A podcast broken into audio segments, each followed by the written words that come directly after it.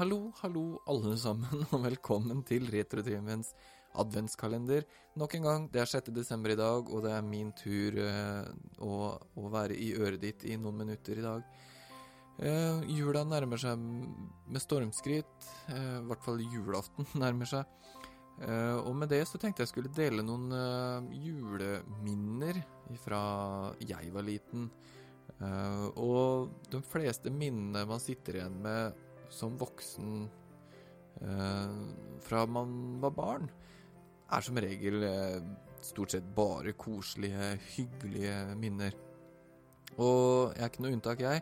men jeg har noen litt mer morsomme minner som ofte kan minne litt om sånn The Griswolds-familien. Um, og, og, jeg tror de fleste har nok uh, en del morsomme familiehistorier uh, der ute. Men, og det er vel en del av jula òg, er det å mimre med familien om hvordan jula var før, og uh, hva som skjedde.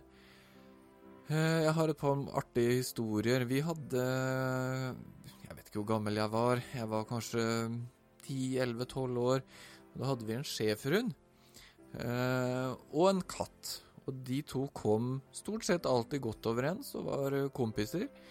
Eh, lå sammen på puta foran peisen på vinteren når vi fyrte og det var kaldt ute, og, og koste seg. Men det var én jul hvor, hvor, katten vår fant ut at den schæferen vår, som het Tito, var litt for nærgående. Eh, jeg vet ikke hva han gjorde, men, eh, men eh, katten rappa til Tito, altså schæferen, over nesa. Og da ble det litt ja, hva skal jeg si, basketak inne på kjøkkenet, og så kom kattjævel rundt hjørnet, alt han hadde, opp i juletreet som sto bak min farmor. Så julepynten spruta. Og etter kom jo det dumme beistet av en bikkje, da, og skulle ta den katta, ikke sant, og hoppa med hele seg rett inn i juletreet, så det spruta enda mer julepynt. Og, og raste over uh, farmor, stakkar, som satt der helt uskyldig. Og det var uh, et rimelig tørt juletre òg, sånn som det ofte er. Uh, spesielt siden vi pynter juletreet litt tidligere enn alle andre. Og, og det spruta eh, barnåler og julepynt, og det var ikke måte på. Vann var jo også i juletrefoten, så det var bløte presanger, og det var ikke måte på. Um, og dessverre, det, i dag har jeg ikke bilde av det juletreet, hvordan det så ut etter at den, det var over.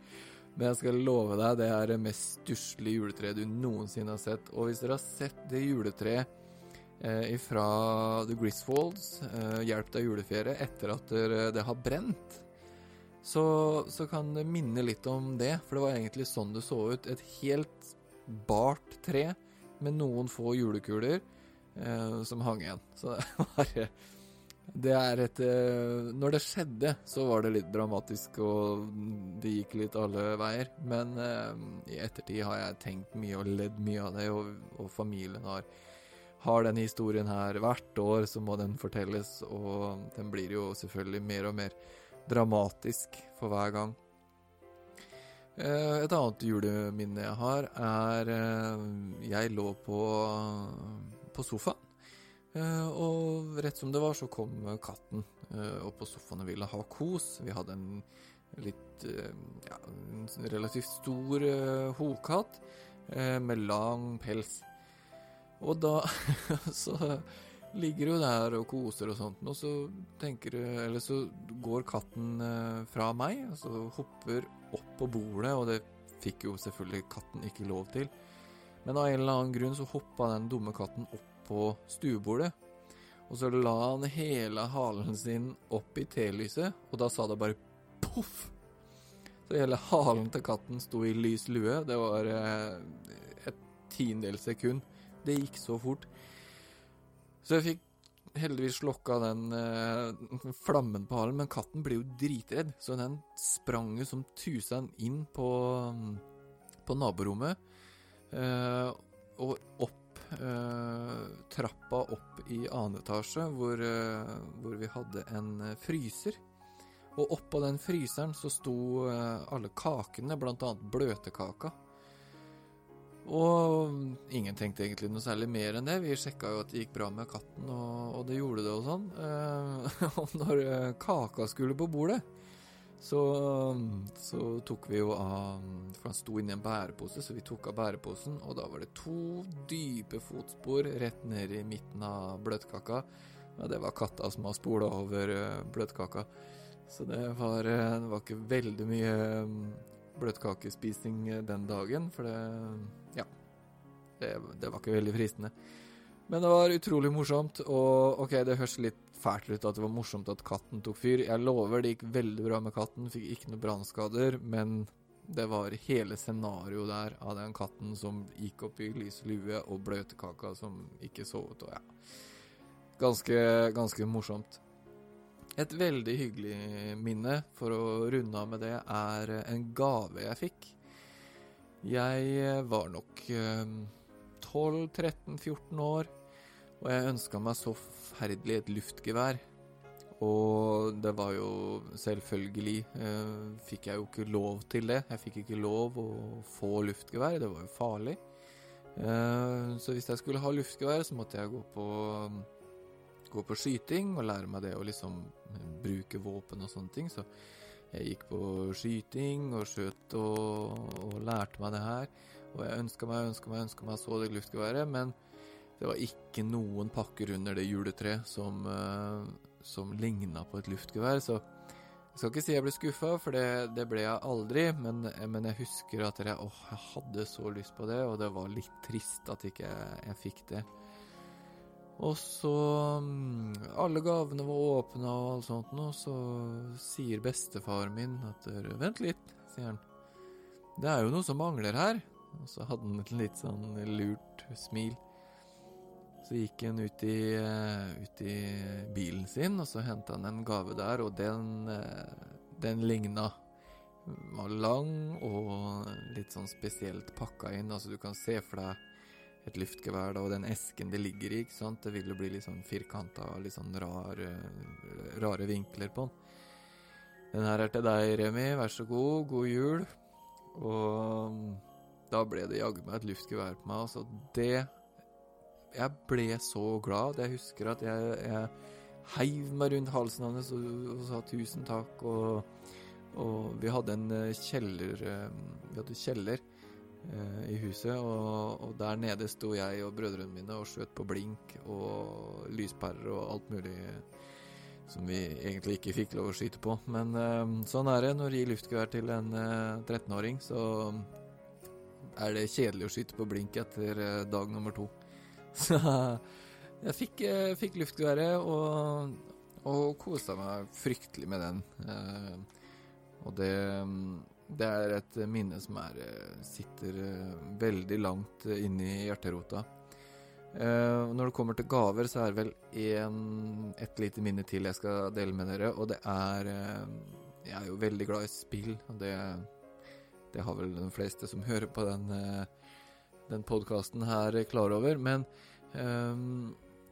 jeg husker jeg leste veldig mye om Castlevania når det skulle komme. Og det var jo et spill som uh, uh, Som var veldig blest om. Uh, og det ønska jeg meg. en mann som ikke er i live i dag, som jeg var veldig, veldig glad i. Arne. Tenker veldig mye på han, spesielt i juletider. Jeg kjenner jeg nesten blir litt rørt når jeg tenker på Arne. Han fortalte jeg det at jeg ønska meg forferdelig det spillet. og Spill var jo dyrt da på den tiden. Altså, spill kosta på midten og slutten av 80-tallet det samme som det spill koster i dag. Så Det vil altså si at et spill som kosta 600 kroner da, i dagens krone, for å si det sånn, vil koste bortimot en 1200. Det var som at vi skulle kjøpt spill eh, til en 1200-1300 kroner i dag, og det er jo helt utenkelig. Så det har ikke forandra seg så veldig mye da, og så, så spill var fryktelig dyrt. Eh, men jeg ønska meg jo så fælt det spillet, og Castlevania eh, sto høyt på lista det ene året, ene jula der. Um, for å gjøre en lang historie kort. Arne fikk rota sammen en fire-fem forskjellige familiemedlemmer, og de kjøpte det spillet her. Og jeg husker så godt når jeg åpna den esken, for det spillet var pakka inn i en annen eske, så jeg hadde ingen aning om hva det her var. Eh, annet enn at det var en litt tung, eh, tung firkanta boks. Det lå en vedkube oppi der, masse avispapir, og helt i bånn så lå Castlevania. Vet du hva, det det er et så godt minne, og det smilet på Arne når, uh, når jeg fikk åpna den her, og, og, han så hvor glad jeg ble ja, Det var helt uh, fantastisk. Det er et juleminne jeg kommer til å ha med meg resten av livet. Um, og det er nok kanskje Kanskje mitt absolutte favorittminne når det kommer til, til jul og til min barndom, er, er akkurat det. Um, nå er det jaggu meg gått elleve minutter allerede. Uh, jeg håper uh, dere har en så fin dag som overhodet mulig. Det er uh, så morsomt å få lov til å dele, dele det her med, med, dere. Jula er en stor del av meg. Håper dere koser dere like mye som det jeg gjør nå i desember. vi snakkes om noen dager igjen. Ha en forrykende dag, alle sammen. Ha det!